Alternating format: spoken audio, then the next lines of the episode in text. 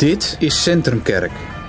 Een cursus missionair leven en kerk zijn vanuit het hart van het evangelie. Gebaseerd op het gelijknamige boek van Tim Keller. Module Beweging. Deel 6. Missionaire gemeenschap. Een centrumkerk is zowel een organisme als een organisatie. De kerk is zowel een stabiel instituut met tradities uit het verleden als een dynamische beweging van de Heilige Geest. In onze evangeliebediening zoeken we daarom naar evenwicht. We wortelen in onze kerkelijke traditie en werken tegelijk samen met het lichaam van Christus om onze stad met het evangelie te bereiken. 21. Mensen toerusten om missionair te leven. Het is erg belangrijk dat de gewone leden van de kerk worden toegerust om de wereld in te gaan. Elk lid van de kerk kan het woord verkondigen en uitleggen. In het Bijbelboek Handelingen is letterlijk iedereen in de kerk bezig met evangeliseren. Dat gebeurde binnen bestaande relaties via alledaagse ontmoetingen. Dat was de belangrijkste manier waarop het christelijk geloof zich verspreidde. Via informele relaties, gezinsverbanden. Gewone vriendschap was de beste manier om het evangelie te verspreiden. Hoe zou deze manier van evangeliseren er in onze tijd uitzien? Van alle voorbeelden die je daarvan kunt geven, is de basisvorm hetzelfde. Die vorm is organisch, relationeel, bijbelgericht en actief. Organisch. Het gebeurt spontaan, buiten de georganiseerde programma's in de kerk om. Relationeel. Het gebeurt in de context van informele persoonlijke relaties. Bijbelgericht. De Bijbel en het Evangelie worden biddend verbonden met de levens van mensen. Actief, niet passief. Ieder lid neemt zijn eigen verantwoordelijkheid om actief bij de evangeliebediening betrokken te zijn. De aard van het evangelie is, als je christen bent, ben je door het geloof één met Christus, zodat zijn verdiensten onze verdiensten worden en zijn geest in ons gaat wonen en ons steeds meer op Jezus laat lijken. Je bent christen of je bent het niet. Je bent door het geloof met hem verbonden of niet. De weg naar het moment waarop iemand zich aan Christus verbindt door het geloof is echter vaak een proces meer dan een eenmalige gebeurtenis. De keuze kan het gevolg zijn van een hele serie kleinere beslissingen, waardoor iemand steeds verder toegroeit naar het geloof dat hem redt. Mensen hebben tegenwoordig gewoon niet meer de nodige achtergrondkennis om het evangelie één keer te horen en direct te begrijpen wie God is, wat zonde is en wat berouw en geloof zijn, op een wijze die een weloverwogen keuze mogelijk maken. Voor de meeste Westelingen is het daarom nodig om zich welkom te voelen in een gemeenschap waar ze op allerlei manieren het evangelie te horen krijgen. Het proces verloopt ongeveer als volgt: besef, relevantie, geloofwaardigheid, uitproberen, toewijding, bevestiging. 1. Besef. Ik snap het. De stereotypen zijn opgeruimd, het onderscheid tussen evangelie enerzijds en wetticisme en relativisme anderzijds is helder. Het verschil tussen hoofd- en bijzaken is duidelijker.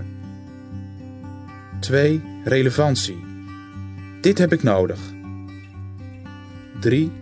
Geloofwaardigheid. Ik heb dit nodig, want het is waar.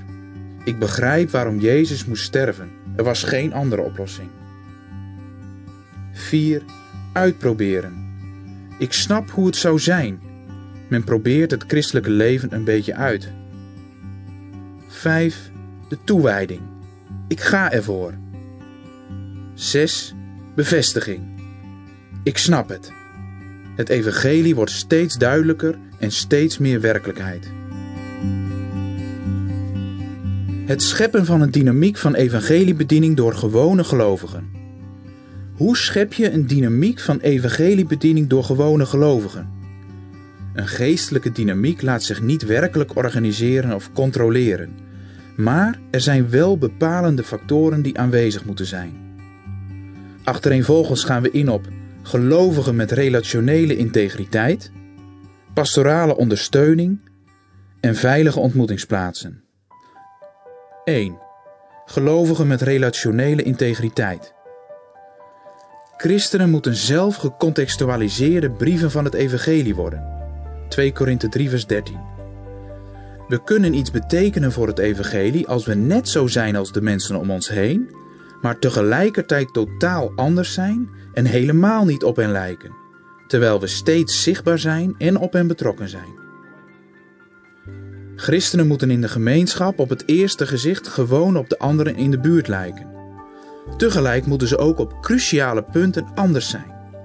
Christenen moeten er uitspringen vanwege hun integriteit, hun gulheid, gasvrijheid, hun vriendelijkheid, vergevingsgezindheid en gekenmerkt worden door waarden en gedragingen die duidelijk tegen de cultuur ingaan.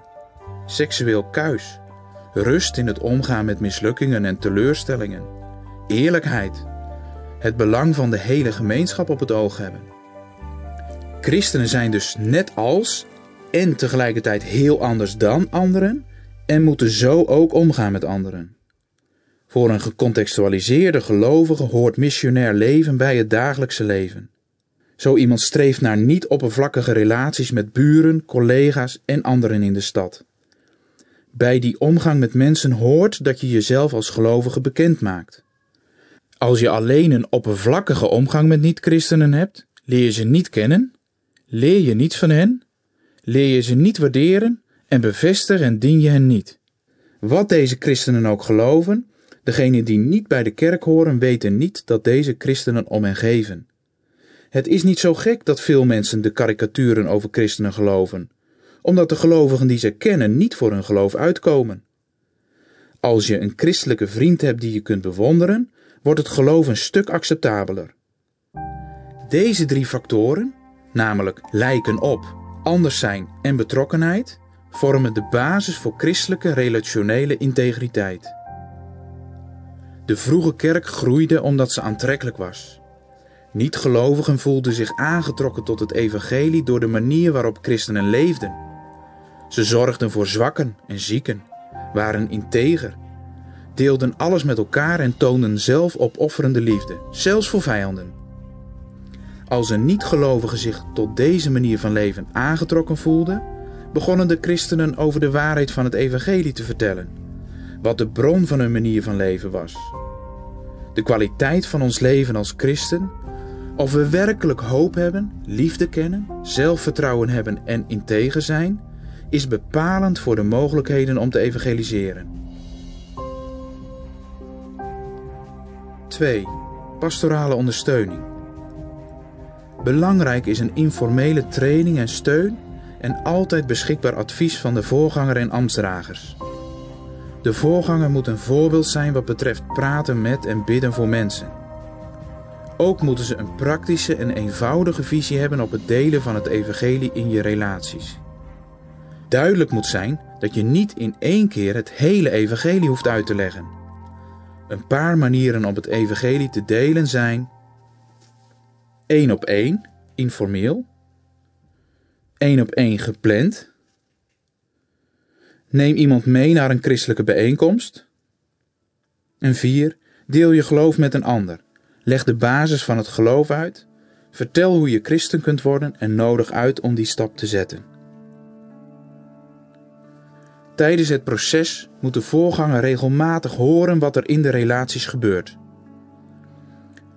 Het belangrijkste is wel dat een voorganger op allerlei manieren vanuit het evangelie een theologische, motiverende basis legt voor de evangeliebediening door gewone gelovigen. Die basis is dat de mensen leren dat het evangelie je nederig maakt. Als mensen de radicale boodschap van het evangelie begrijpen, namelijk dat zowel goede als slechte mensen verloren zijn en alleen door genade gered kunnen worden, is het onmogelijk nog langer trots of neerbuigend te zijn, zonder het evangelie te ontkennen. Het evangelie helpt ons om nederig en met waardering naar anderen te kijken, waardoor er mooie relaties kunnen ontstaan. De voorganger kan ook laten zien hoe het evangelie ons hoop geeft voor niet-christenen. Redding is een onverdiend geschenk. Er is dus hoop voor iedereen, hoe ver iemand ook bij God vandaan lijkt te zijn. Eigenlijk moet je in je hart er altijd verwonderd over zijn dat je zelf christen bent. Dit leidt tot een verwachtingsvolle houding als we over anderen denken. Ten slotte moeten gemeenteleden begrijpen hoe het evangelie ons de moed kan geven om te evangeliseren. Een van de redenen waarom we ervoor terugschrikken om over Jezus en het evangelie te praten, is dat we bang zijn. We ontlenen onze eigen waarde aan wat anderen over ons denken. We willen een goede en verstandige indruk maken, of vooruitstrevend zijn, of bewonderenswaardig. Het evangelie helpt ons om los te komen van onze reputatie. Wanneer we weten dat we alleen uit genade gered worden, weten we dat mensen tot geloof komen wanneer God hun hart opent. De meest briljante uitleg van het evangelie en de meest overtuigende redeneringen kunnen niemand tot geloof brengen. We hoeven ons dus geen zorgen te maken over ons gebrek aan kennis. Het is God die uit genade het mensenhart opent. Onze welsprekendheid kan dat niet. 3. Veilige ontmoetingsplaatsen. Gemeenteleden hebben extra bemoediging en uitleg nodig en dat kan georganiseerd worden via allerlei bijeenkomsten waar niet-gelovigen direct in contact komen met het evangelie en met christenen. Vermijd daarbij twee veel voorkomende valkuilen. De nieuwkomer moet niet in verwarring gebracht worden door een bepaalde theologische of kerkelijke achtergrond te veronderstellen, en ze moeten niet gekwetst worden door onnodige struikelblokken op te werpen. Denk aan eenmalige avonden over een aansprekend thema met gelegenheid tot vragen. Denk aan een kort praatje gevolgd door tijd voor vragen over een onderwerp waar niet-christenen moeite mee hebben. Een huiskring die net begonnen is. Of denk aan een kerkdienst die zowel wat betreft preek, muziek als liturgie door niet-christenen begrepen kan worden. Of aan kringen waarin boeken gelezen of films bekeken worden, waarin christelijke thema's aan de orde komen. Of denk aan vraag- en antwoordsessies na een kerkdienst of een cursus apologetiek. Wanneer kun je niet-gelovigen veilig meenemen naar de christelijke gemeenschap? Als heel die gemeenschap een warme, accepterende houding heeft ten aanzien van niet-gelovigen. Als de gemeenschap geen vreemdeling is op cultureel gebied. Als haar voorgangers van evangeliebediening door gewone gelovigen een prioriteit maken en als de kerk voorziet in een evenwichtige en integrale evangeliebediening. En over dat laatste gaat het in het volgende deel.